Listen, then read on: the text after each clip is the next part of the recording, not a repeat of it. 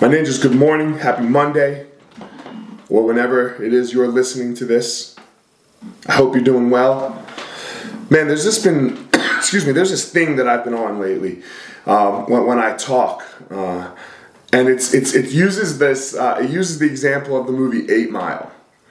And, and I really like this example, and I really, and, and before I realized that uh, it, it's a little like the movie is kind of a little bit what I do sometimes, um, I, I, didn't put the two together. But I want us I want us to take us back to the movie Eight Mile.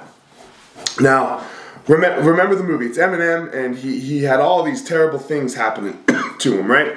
Uh, you know, uh, he was broke, his car didn't work. Uh, you know, his buddy from high school was sleeping with his mom, and you know, then he threw up, he would throw up all of himself when he tried to rap battle. And then his other buddy, this manager that he hired, uh, slept with his chick.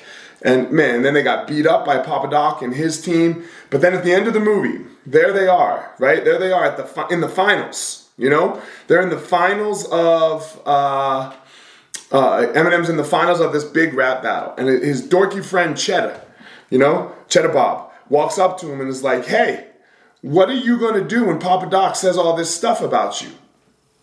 And then the movie goes quiet and it goes to the rap battle.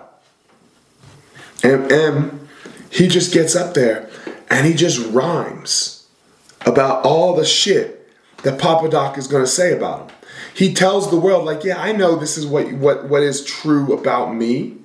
I'm aware that this is what is true about me. So why hide it? And then he gives the phone to Papa Doc, and Papa Doc chokes, and he's got nothing to say. Because that's exactly what Papa Doc was going to do. He's going to make fun of him for all this shit. So, my ninjas, I ask you the same thing.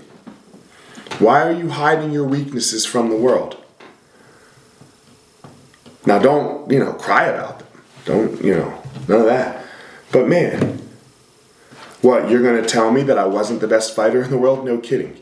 You're going to tell me I can be insecure and that I uh, have a little bit of imposter syndrome, yeah, no kidding. You're gonna tell me that I have this like fear that I think I'm always fat because of you know this thing that happened to me in high school, yeah, no kidding. Or middle school, no kidding. uh, okay.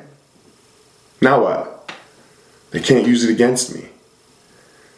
And if you can't use if I if I'm if I know them and I work on them and I try to get better at them, the world can't come use it against me. It doesn't matter who you are. Discover your passion, find your power, and go give your purpose to the world, my ninjas.